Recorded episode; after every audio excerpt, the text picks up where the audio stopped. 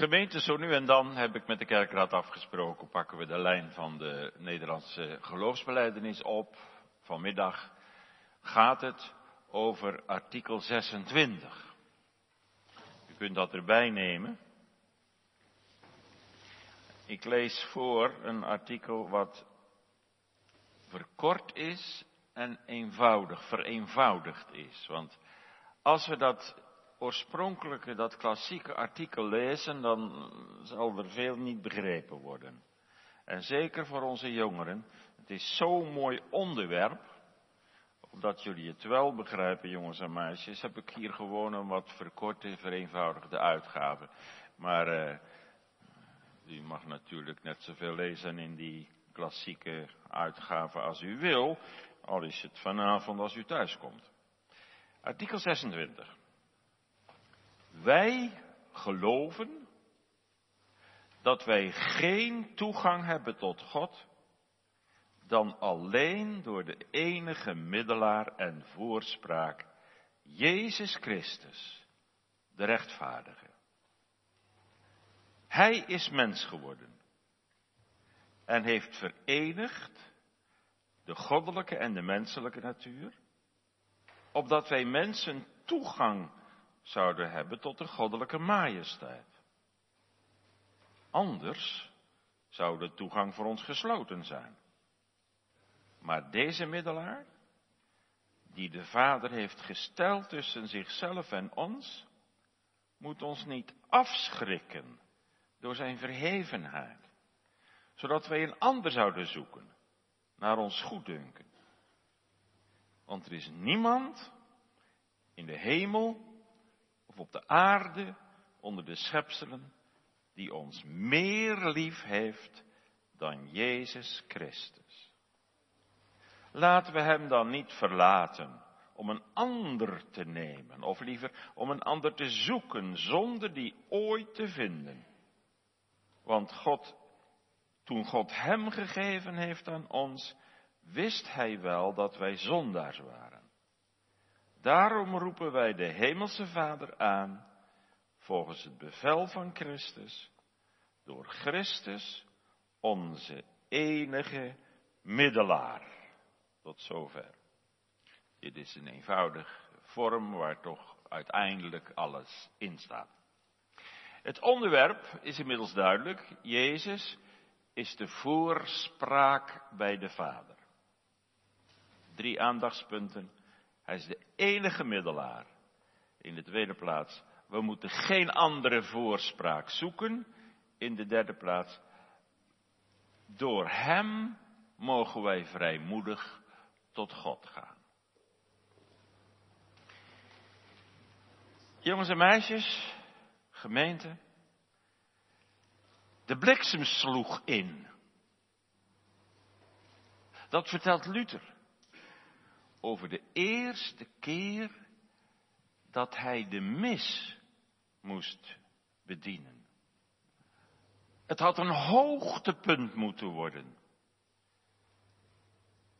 Maar het werd een drama. Luther stond voor het altaar en hij sprak de woorden uit, wij offeren u de levende, de ware, de eeuwige God. Luther zegt, en op dat moment werd ik verpletterd door angst. Wie ben ik, dacht Luther, dat ik mijn ogen durf opheffen tot de goddelijke majesteit. Zo dacht Luther dus over God. Zo dacht hij ook over Jezus. Hij zag hem als een ontzaglijke heerser voor wiens heiligheid geen mens kan bestaan. Luther dook in elkaar als een angstige hond bang voor de slagen van zijn baas. In dat verband stelt Guido de Bray de dingen van ons geloofsartikel aan de orde. Want hoe was de situatie in de late middeleeuwen?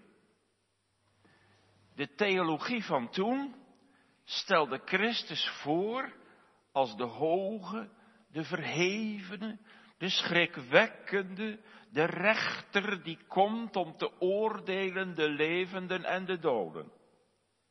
Zijn liefde als middelaar en voorspraak werd helemaal gemist.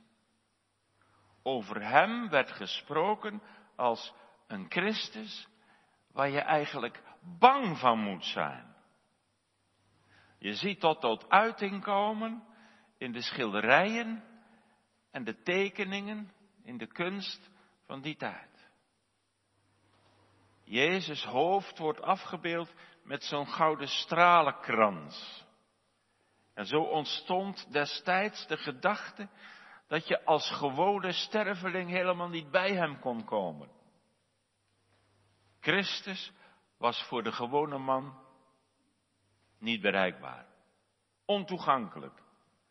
Christus moest door andere heiligen bewogen worden tot barmhartigheid. En wie zou er nu eerder naar Christus willen horen dan zijn eigen moeder? En zo begon toen ter tijd, begonnen de mensen te bidden, Heilige Maria, bid voor ons. Laten wij wel goed letten op het werk dat Christus doet in zijn verhoging. Want dat is heel belangrijk. Vaak, ook in preken en eh, in hele theologie, is heel veel nadruk gelegd op zijn vernedering. En dat was ook heel, dat is heel belangrijk. Zijn geboorte, zijn lijden, zijn sterven. En daarom is het heel goed dat artikel 26 aan de orde stelt Christus en wat hij doet vanuit de verhoging. Wat hij nu doet voor ons. Na hemelvaart. Na Pinksteren. En daarom gaat het nu over zijn voorspraak, zijn voorbidding als de hoge priester in de hemel. En ja, wat, bedoelen we nou eigenlijk met dat woordje voorspraak? Het klinkt bekend, maar wat is het precies? Nou ja, als je het heel simpel wil zeggen, jongens en meisjes, dan zou je zeggen, de voorspraak dat is dat Jezus een goed woordje voor je doet. Hij je helpt. Ik heb in het woordenboek gekeken en daar wordt voorspraak zo uitgelegd, dat is verdedigen of aanbevelen. Past heel goed in deze theologische context. De Rooms-Katholieke Kerk zegt, als mensen zijn wij veel te onwaardig en te zondig om zomaar tot de heilige God te bidden. Dat mag niet. Die hoogheid en die heiligheid van Christus, die schrikken ons af. God de Zoon is toch net zo heilig als de Vader en is toch ook de enige eeuwige God. Wat wij nodig hebben is een tussenpersoon. Een tussenpersoon en die hebben ze gevonden in de heiligen. Heiligen. Wat zijn dat voor mensen? Heiligen zijn gestorven gelovigen die zoveel goede werken hebben gedaan, dat op grond van hun werken ook anderen mee mogen gaan tot Jezus, tot de troon der genade. Ze hadden zelfs overtollige goede werken en dat gaf vrijmoedigheid voor iemand die veel tekort had om mee te liften. Nou, jongens en meisjes, wat denken jullie daarvan? Denken jullie dat de gestorven gelovigen, die nu in de hemel zijn, ons kunnen zien? Dat ze ons kunnen horen? Kun je bijvoorbeeld spreken tot je overleden opa of oma? En hoort die jou dan ook? En weten ze wat je doet? En waar je hulp bij nodig hebt? Daar is maar één antwoord op. Nee. Dat staat nergens in de Bijbel. Zij prijzen God en ze zijn dicht bij de Heer Jezus en ze verheerlijken God.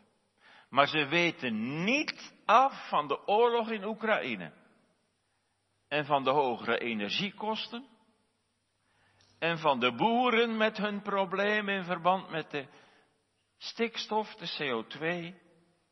Ze kunnen ons echt niet helpen. Ze horen ons niet. En wij hebben helemaal geen tussenpersoon nodig. Wij mogen rechtstreeks tot God bidden. En dat wil Guido de Bray in zijn tijd aan de mensen duidelijk maken. Vandaar dat Guido de Bray zo'n lang artikel schrijft over de enige voorbidding van de Heere Jezus Christus in de hemel. Dat had dus te maken met al die voorbidders die de Rooms-Katholieke Kerk kent. Zoals Heilige Maria, de heiligen, heilige Petrus, heilige Johannes, een, een, hele serie. En de engelen hoorden daar ook bij, de engelen.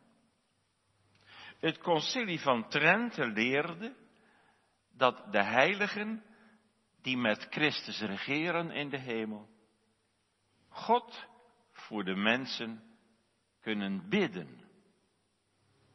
En dat het goed en nuttig was om zo God aan te roepen en dat de mensen hulp en bijstand van de heiligen mogen aanroepen. Daar is helemaal niks van waar. Ze horen ons niet.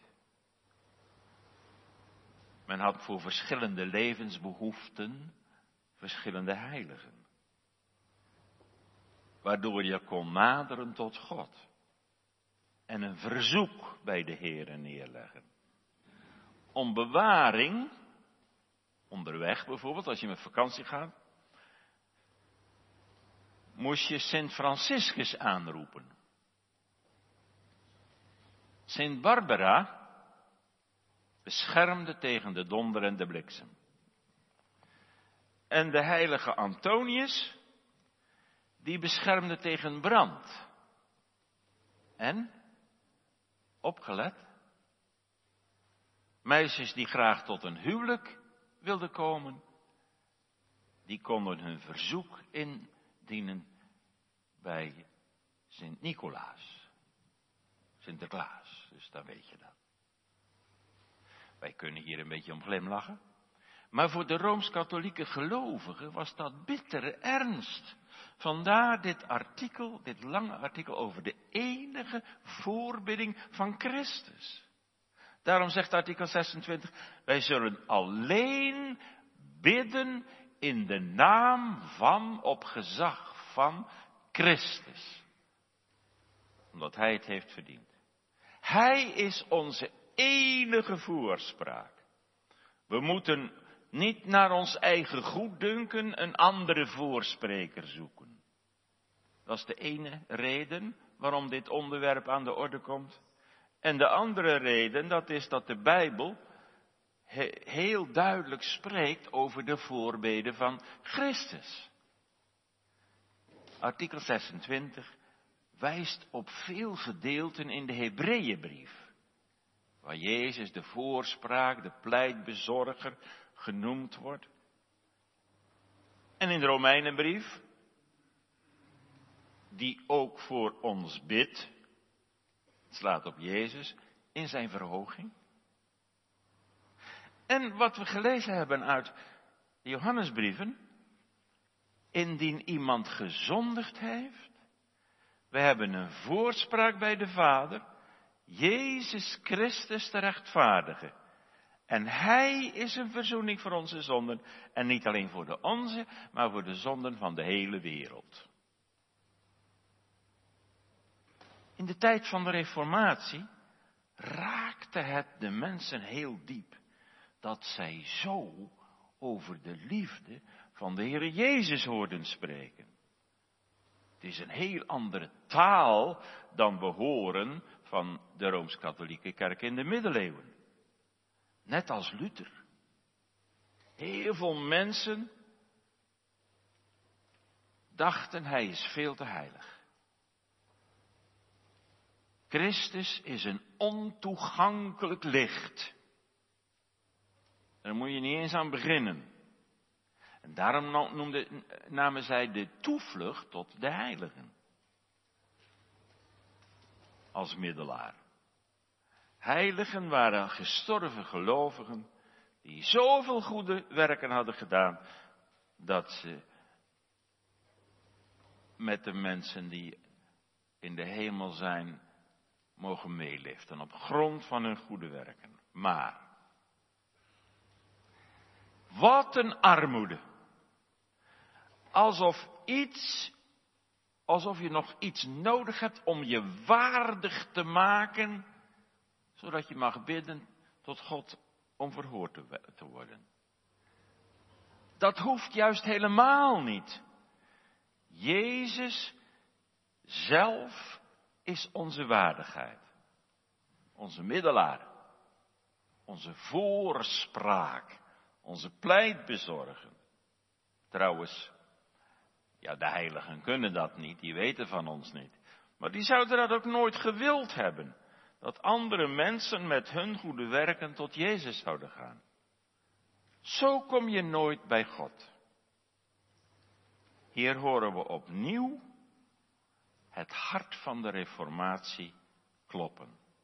Alleen Jezus is de grond van ons behoud, van iedereen. Je mag tot Hem gaan. In volle vrijmoedigheid. De slechtste mens vindt in Christus de beste advocaat. Die in volle vrede tot God mag gaan. Jezus is een volmaakte advocaat die voor ons bidt. Kunnen we niet zeggen van de advocaten van Peter R. de Vries en van Ridouan Taghi en noem ze maar op. De conclusie is dus, de heiligen kunnen ons niet helpen met hun voorspraak. Zij zijn schepselen en ze hebben geen enkele waardigheid in zichzelf. De heiligen zijn zelf uit genade zalig geworden. Artikel 26 zegt, wanneer wij tot hen bidden, onteren wij hen, in plaats dat wij hen eren. De Bijbel zelf wijst ook het bidden tot de heiligen en de heilige verering af. Paulus en Silas waren in Lystre, handelingen 14. Daar hebben ze een kreupele man beter gemaakt. En dan willen ze aan hen gaan offeren. Dan denken de mensen daar, die heidenen, dat ze goden zijn. En dan grijpt Paulus in. Mannen, waarom doet gij deze dingen? Wij zijn mensen van gelijke bewegingen als gij. Een mooi voorbeeld. Een vraag. Zou die heilige verering nu alleen maar voorkomen in de Rooms-Katholieke Kerk? Hebt u de conclusie getrokken? Ik denk dat we het eens zijn. We denken van niet. Want het zit ten diepste heel diep in ons hart. In ons bloed. Om iets te zoeken waardoor we toch waardig zijn om door God aangenomen en gehoord te worden. Op alle mogelijke manieren denken we naast het werk van Christus nog iets te moeten hebben om in aanmerking te komen voor de genade van God. Of het nu je vroomheid is, of bepaalde geestelijke ervaringen, of dogmatische systemen, of kerkelijke tradities, of dominee Kersten, een knap theoloog, in de tijd van de begin, de ontstaansgeschiedenis van onze kerk. Maar als je die er altijd weer bij haalt, hij heeft gezegd, dus het is waar. Dat lijkt toch een beetje op heilige verering en dat moeten we niet. Dus ook protestanten kennen hun heiligen. Al is het maar een dominee of een ouderling. Die verdienstelijker of waardiger zou kunnen bidden dan gewone gemeenteleden. Dan heb je het verschil tussen de geestelijkheid en de gewone leden. De een blijft thuis als dominee A preekt. En de andere blijft thuis als dominee B preekt. Ook deze heiligen kunnen tussen Jezus en ons inkomen staan. Wat we denken te kunnen gebruiken als bruggetje naar God, kan juist een blokkade worden, waardoor we helemaal vastlopen. Vandaar die onzekerheid en zelfs die angst als mensen aan God denken. Misschien niet als een blikseminslag, zoals bij Luther, maar toch een blokkade, waardoor je helemaal vast komt te zitten. Nou, en dat wil Guido de Bruin nu helemaal wegnemen. Hij leeft in die tijd na de middeleeuwen, tijd van de reformatie. Maar dat probleem is nog lang niet opgelost voor heel veel mensen. Vandaar artikel 26. Hij wijst op Christus. En dat doet hij in prachtige woorden. Dit zinnetje bijvoorbeeld. Niemand in de hemel of op de aarde, onder de schepselen, heeft ons meer lief dan Christus. Dat moet u uit uw hoofd leren, dat zinnetje. Jezus is de enige voorbidder. Dat was ons eerste aandachtspunt. En nu twee. Wij moeten geen andere voorspraak zoeken. Als u zich afvraagt, mag ik wel tot deze heilige Christus gaan, de Zoon van God, dan mag ik u zeggen, u hoeft niet bang te zijn voor de Heere Jezus Christus. Weet je waar je wel bang voor moet zijn? Om niet tot Hem te gaan. Dat is levensgevaarlijk. De Heer Jezus wil ons door zijn majesteit niet verschrikken. We moeten dan ook niet naar een andere voorspraak of middelaar zoeken om tot God te gaan, zegt Guido de Bray. Ja, zegt u misschien, maar nu is hij verheerlijkt. Jawel. Maar hij is met onze mensheid naar de hemel gegaan. En dat is een troost. Onze menselijke natuur is als een onderpand in de hemel. Zo is hij daar bij de Vader. En dan moet u eens letten op dat schitterende zinnetje wat ik net zei, artikel 26. Want er is niemand, nog in de hemel, nog op de aarde onder de schepselen, die ons meer lief heeft dan Jezus Christus. Dat betekent niet alleen dat er niemand is die hij liever ontvangt, maar dat er niemand is die ons meer lief heeft. Die ons meer bemint dan Christus. Waarom zou je dan nog bang zijn om tot Hem te bidden? Als je gelooft dat dit waar is, en dit is waar, want het staat in de Bijbel. Om door Hem tot de Vader te gaan. Niemand heeft meer liefde dan Hij. Niemand heeft meer macht dan Hij. Hij is de hemelen doorgegaan. Met zijn offer als hoge priester, met zijn eigen bloed. Na hemelvaart, hè? hij heeft zijn offer binnengebracht. Hij heeft verzoening aangebracht. En de deur naar het hart van God geopend. Hij is onze hoge priester. Hij is onze advocaat. Hij zit op de plaats van eer en macht. Maar door zijn almachtige liefde en zijn liefdevolle almacht worden we bevrijd van die angst die Luther had als middeleeuwer. De liefde van Jezus drijft de vrees buiten. Staat ook in die Johannesbrieven. Zou dat wel waar zijn, zegt u misschien? Zou ik dat, ik zou het wel zeker willen weten. Ik wil dat bewezen zien. Nou, denk maar aan zijn komst op aarde, zegt Guido de Bre. Wat kwam hij doen op aarde? Kinderen kunnen het al, zeggen. Hij kwam naar de aarde om zijn leven te geven voor zijn schapen.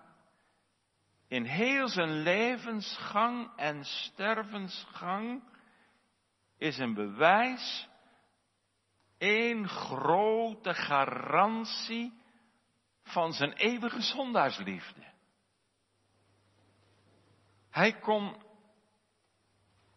kon hij nog een groter teken geven van zijn liefde dan dat hij stierf voor vijanden. God gaf zijn kind over voor mensen die van nature vijanden zijn. De Heer Jezus gaf zijn bloed voor mensen die vijanden zijn van huis uit. Hij liet zich met de overtreders tellen, zegt Jesaja 53. En artikel 26 herhaalt die liefde nog een keer. Wordt twee keer over gesproken. Guido de Bre herhaalt dat nog een keer als er staat. Wie zouden wij kunnen vinden die ons meer beminde dan Hij, die zijn leven voor ons gelaten heeft, ook toen wij nog vijanden waren? Jezus beminde zijn discipelen toen hij door allen werd verlaten. O, zegt u, zou het dan voor mij nog kunnen? Waarom niet? Voor Petrus kon het toch ook. Hij had zijn meester verlogend tot drie keer toe. Ik ken hem niet. En toen die blik van Jezus, vol liefde. Jezus zag Petrus aan. Jezus had Petrus lief. Ondanks dat hij hem verloochende. Had hem gewaarschuwd. Satan heeft u zeer begeerd te ziften als de tarwe op de zeef. Kaf en koren gescheiden. Maar ik heb voor u gebeden dat uw geloof niet zal ophouden. Zoveel hield de Heer Jezus van zijn discipelen. En wat denkt u nu gemeente? Zou deze weergaloze liefde van de Heer Jezus nu maar een opwelling geweest zijn van een bepaald moment of zo? Zou hij u en mij nu vergeten? Is dat maar een kortstondige liefde geweest? Nee, die liefde komt vanuit de eeuwigheid. Vanuit het welbehagen van God. Vanuit de eeuwige liefde van God.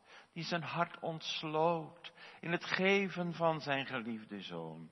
Verdenk hem niet van ontrouw. Zijn liefde is zo duurzaam. Zo puur. Zo zuiver. 18 karaat, zou je kunnen zeggen. En van daaruit vraag ik je, jullie jongelui. heb je de Heere Jezus ook lief? Anders heb je geen behoefte om met Hem te spreken. En op Hem te zien. Ik denk dat het je dan ook niet zoveel doet als je Hem niet kent. En als Guido de Bre beleidt, niemand heeft ons meer lief dan Jezus. Voel je hoe belangrijk het is om een persoonlijke geloofsrelatie te hebben met de Heere Jezus. Door het werk van de Heilige Geest. Onze ogen, zegt Guido de Beret, die moeten op Christus gericht zijn. Hij maakt je echt vrij. Hij trekt je naar zich toe. We mogen ons helemaal aan Hem overgeven. Hij kent ons door en door. Beter dan dat we onszelf kennen. Hij kent ook alle verzoekingen. Waarmee wij dagelijks overvallen worden. Want Hij is ook in alles verzocht geweest. Hij kent het uit eigen ervaring. Hoe heeft de duivel hem niet verzocht in de woestijn? Toen hij zijn openbare optreden op aarde begon.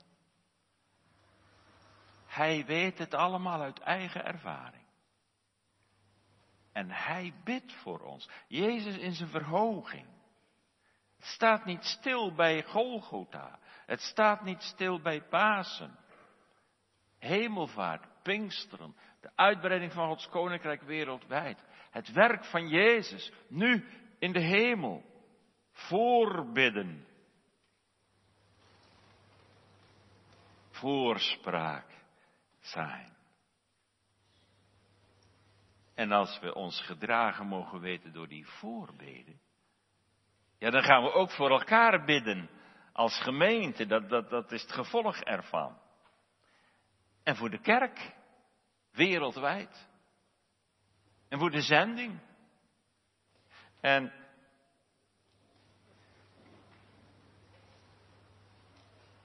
niet omdat wij het waardig zijn. Maar omdat Jezus het waardig is. Je mag bidden voor heel de wereld. Grijpt u dat nooit aan, gemeente? Als je dan beelden ziet of iets hoort over, nou, laten we zeggen India. Miljard mensen. Hindoeïsme, Boeddhisme, Islam. Zonder Jezus. Hoe zul je het dan maken? Als Hij komt om te oordelen de levenden en de doden. Wat een gebed is er nodig. Dat het evangelie wordt verspreid. En misschien, misschien is je eigen beschikbaarheid daarvoor nodig. Dat hangt er vanaf of de Heer je roept. Maar we gaan voor elkaar bidden, we gaan voor de wereld bidden, we gaan om behoud bidden. Niet op grond van onze eigen waardigheid. Ondanks onze onwaardigheid. Maar we zien op de hoge waarde van Christus en zijn werk. En hij heeft gezegd, ga dan heen in heel de wereld. En we mogen dat doen, pleitend op het zoenbloed van de Heere Jezus, die de toegang geopend heeft tot God. Wij roepen de Hemelse Vader aan door Christus, de enige middelaar en voorspraak, die ons verdedigt, die ons aanbeveelt bij de Vader. En worden al die gebeden van ons dan verhoord? Nee. En daar kun je soms later dankbaar voor zijn. Maar God verhoort wel wat wij bidden in overeenstemming met zijn beloften. En naar zijn wil. Kwalijke gebeden verhoort hij niet. Vindt u dat niet mooi, gemeente? Dat artikel 26 dit thema een keer aan de orde stelt.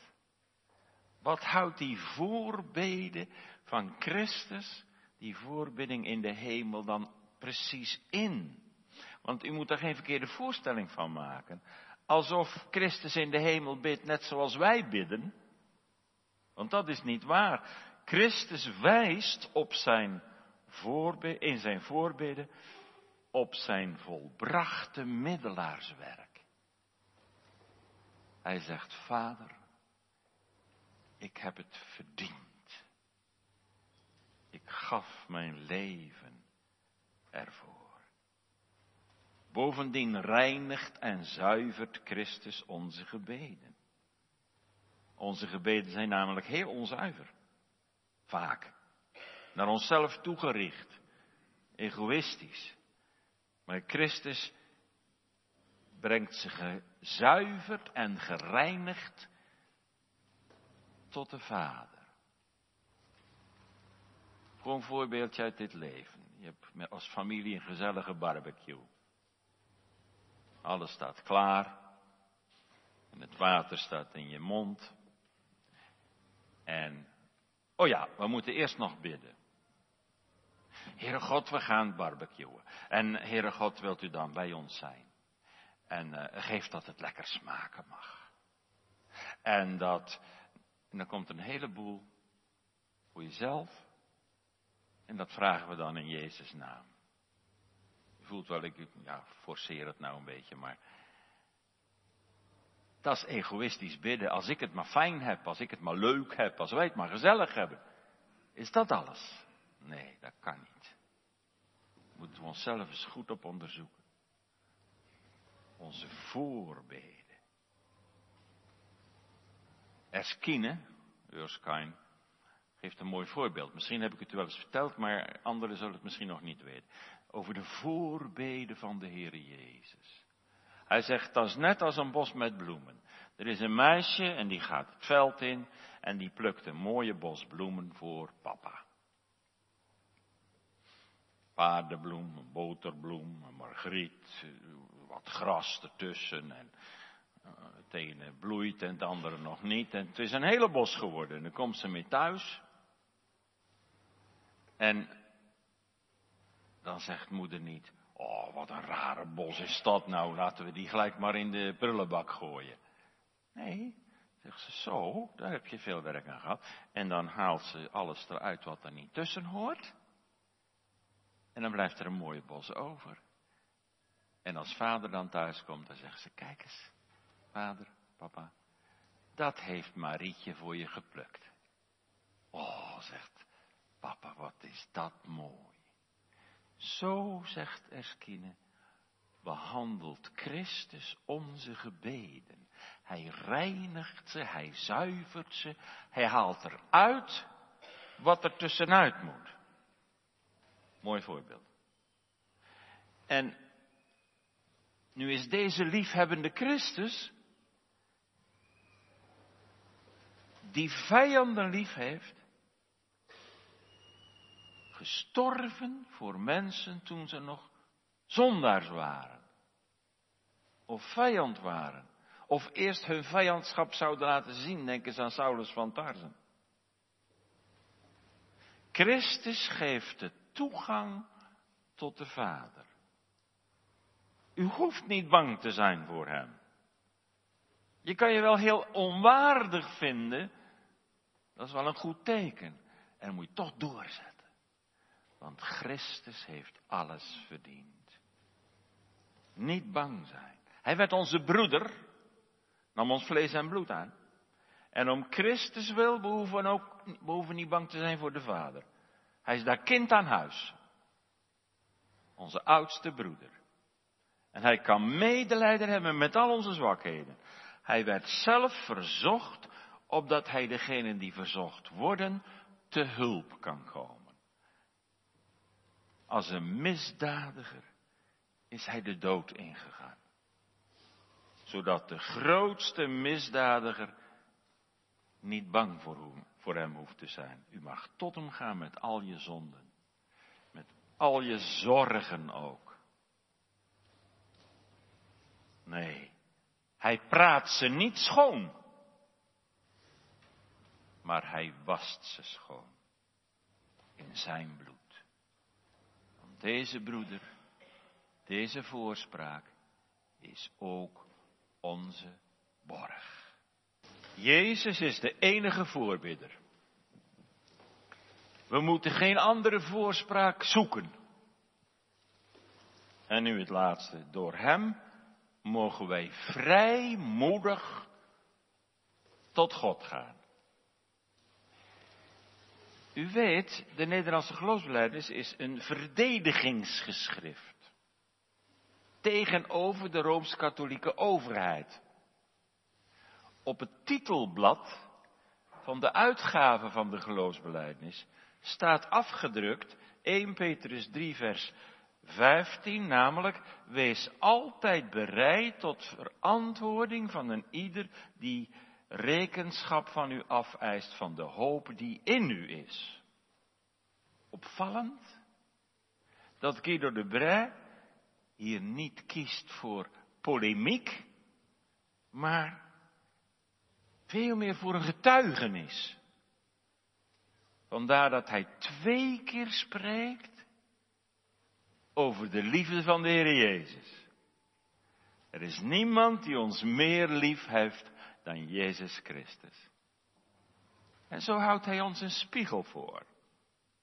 In een wervend geloofsgetuigenis.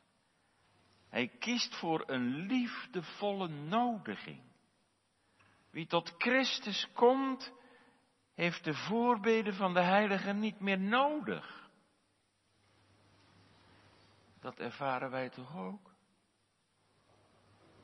Laat u zich tegenhouden door uw eigen onwaardigheid? Ziet u hoe onvoorwaardelijk de nodiging van het heil is? Het aanbod van genade. Christus heeft alles in te brengen. Onderschat hem niet, want hij is ook de borg. Calvijn schrijft, denk niet dat Jezus het hemelse heiligdom is binnengetreden, al smekend en kruipend op zijn knieën. Dat moet u niet denken, zegt hij. Nee, de Vader heeft gezegd, eist van mij. En dat doet hij ook.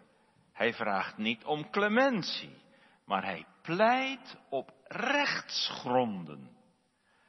En hij staat daar in de volle autoriteit en glorie van zijn genoegdoening.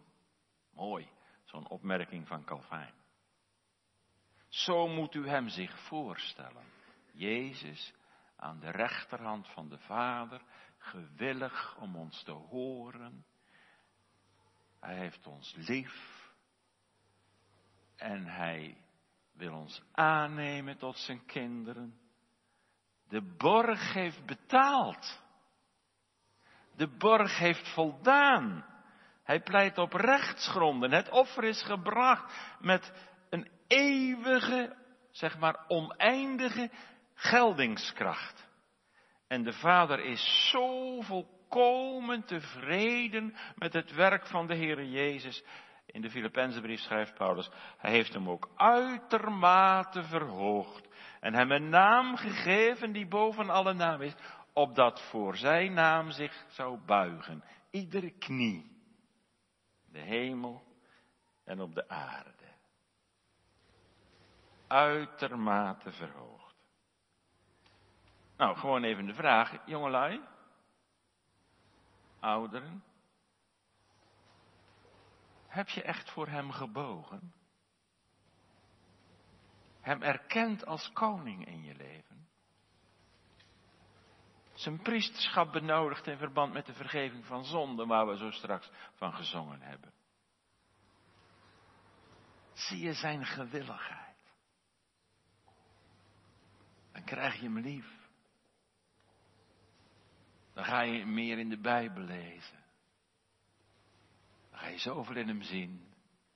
Dat hij de belangrijkste wordt in je leven. Wat is dat heerlijk deze broeder en borg. Wie is er, zegt Guido de Bray, die zoveel macht en aanzien heeft als deze, die gezeten is aan de rechterhand van zijn hemelse Vader. Dat is de hoogste ereplaats bij God, in de troon van zijn, van zijn majesteit. Wie is er die meer macht heeft in de hemel en op de aarde? En wie zal er eerder verhoord worden dan de eigen welbeminde Zoon van God? Gemeente, jongelui, ouderen, je kunt heel je leven aan Hem toevertrouwen. Echt waar. Geloof het. Ja, maar dat hoef je niet te zeggen, ja, maar. Het is onvoorwaardelijk. Je kunt heel je leven, hoe zondig en schuldig het ook is, wat je ook allemaal op je kerfstok hebt, je mag heel je leven in zijn hand geven. Jezus is zo rijk dat hij niet armer wordt als hij vergeving van zonde weggeeft. Als broeder is hij daartoe bereid en als borg is hij daartoe koninklijk in staat. Wij, wat zijn wij dan? Dwaze mensen. Als we de borgdocht van de Heer Jezus onderschatten. Voorbeeld. Als u bij iemand in de schuld staat en de termijn van afbetaling is al, lang verlopen, dan kom je die schuldenaar of die schuldeiser, die kom je eigenlijk liever niet tegen. Want je hebt geen geld, het is nog niet betaald. Maar dat ligt anders als je een borg hebt. Iemand die zegt, luister, ik heb die rekening voor jou betaald. Alles is vereffend betaald. Eigenlijk niks meer aan de hand. Je hoeft daar niet bang voor te zijn. En die persoon zegt dan, kom maar mee, dan zullen we samen naar de schuldeiser gaan. En dan zul je horen dat je niets meer te betalen hebt. Want ik heb alles betaald. Kom, we gaan samen naar hem toe. Zul je met je eigen oren horen. Het is goed. Je hebt niets meer te betalen. Je hoeft nergens meer bang voor te zijn. Dat is nu die gang met Christus als borg tot de Vader. Dat is nu wat de Bijbel noemt die toegang tot de Vader. Omdat wij zo'n grote hoge priester hebben, die de schuld volkomen heeft betaald. Laat ons dan met vrijmoedigheid toegaan tot de troon der genade, opdat wij barmhartigheid zouden verkrijgen en genade vinden en geholpen worden ter bekwame tijd, op het juiste tijdstip. En gemeente, dat slaat niet alleen op je schuld en je zonde. De schuld die je bij God hebt. Dat slaat ook op je dagelijks leven. De boeren, die het heel moeilijk hebben, hoef u niks uit te leggen. Die mogen met hun zorgen tot deze voorspraak gaan. En hij weet het. En hij helpt. Op zijn manier. Met al je dagelijkse vragen, je problemen, je zorgen. Over je kinderen soms. Als ze niet meer naar de kerk gaan. Ziekten. Met alles mag je zo tot Hem gaan. Een vrije toegang aan de hand van Christus naar God. Want Hij heeft alles betaald. En God zal zeggen, ik heb niets meer op je tegen. Terwijl ik zelf zoveel mezelf tegenkrijg. Juist in het licht van zijn genade. Maar Gods kinderen hebben niet alleen een God voor de eeuwigheid, maar ook voor de tijd. Hoe moeilijk het ook zijn kan. Paulus schrijft in Romeinen 5, wij dan gerechtvaardigd zijn door het geloof, hebben vrede met God. Door onze Heer Jezus Christus. Door welke wij de toeleiding hebben door het geloof tot deze genade in welke wij staan en roemen in de heerlijkheid van God. En nu gaat deze broeder en borg zo ver dat hij ons niet alleen begeleidt en de toegang verleent, maar dat hij ook nog het woord voor ons doet. Dan is daar die bidder die onze zwakke gebeden opneemt en legt op het altaar van zijn verdiensten. Juist dan als uw vleugelam geslagen op de aarde ligt. En als je het gevoel hebt, mijn gebed komt niet verder dan, dan het plafond. Dat gebed kan God nooit gehoord hebben. Je schaamt je soms voor je eigen gebed. Want bidden, dat is spreken met God en die is heilig. En wat doet nu die voorspraak? Hij zegt, mijn kind, zal ik dat gestuntel en gestamel van jou eens in mijn handen nemen? Zal ik dat eens voor je doen? Want je zuchten en je zorgen zijn voor mij niet verborgen. Kom maar mee. Hang maar aan mijn hals. Rust maar op mijn schouder. En laat heel die gang naar de Vader nu maar eens aan mij over. Ik zorg voor je. Ik bid voor je. Artikel 26 dat wij niet moeten denken dat wij onze gebeden aan God kunnen voordragen op grond van onze waardigheid. Maar alleen op grond van de uitnemendheid en de waardigheid van onze Heere Jezus Christus, wiens rechtvaardigheid de onze is door het geloof. Christus is onze enige voorspraak. Lieve gemeente, maak gebruik van Hem. Vrijmoedig Vanuit zijn nodiging en offer is er vrijmoedigheid. Er is niemand die ons meer lief heeft dan Christus. De hoge priester, de voorspraak, die met zijn bloed het binnenste heiligdom is binnengegaan. Die pleit bij de Vader. Geen enkele vrees hoeft u te weerhouden. Er is niemand die ons liever heeft dan Christus. Gelooft u dat nou ook? Dan ben je van een heleboel problemen af hoor. Als je dat echt gelooft. Het is waar en je mag het geloven. Maak gebruik van hem. De Vader heeft hem tot een middelaar gegeven. Uit liefde. En Jezus heeft zijn leven voor ons gegeven. Wie van ons heeft er nou geen zonden? Jongelui, durf jij je vinger op te steken? Wie heeft er geen zonden? Nou, dan hebben we hem allemaal nodig. En de Heere Jezus heeft zijn leven ervoor gegeven.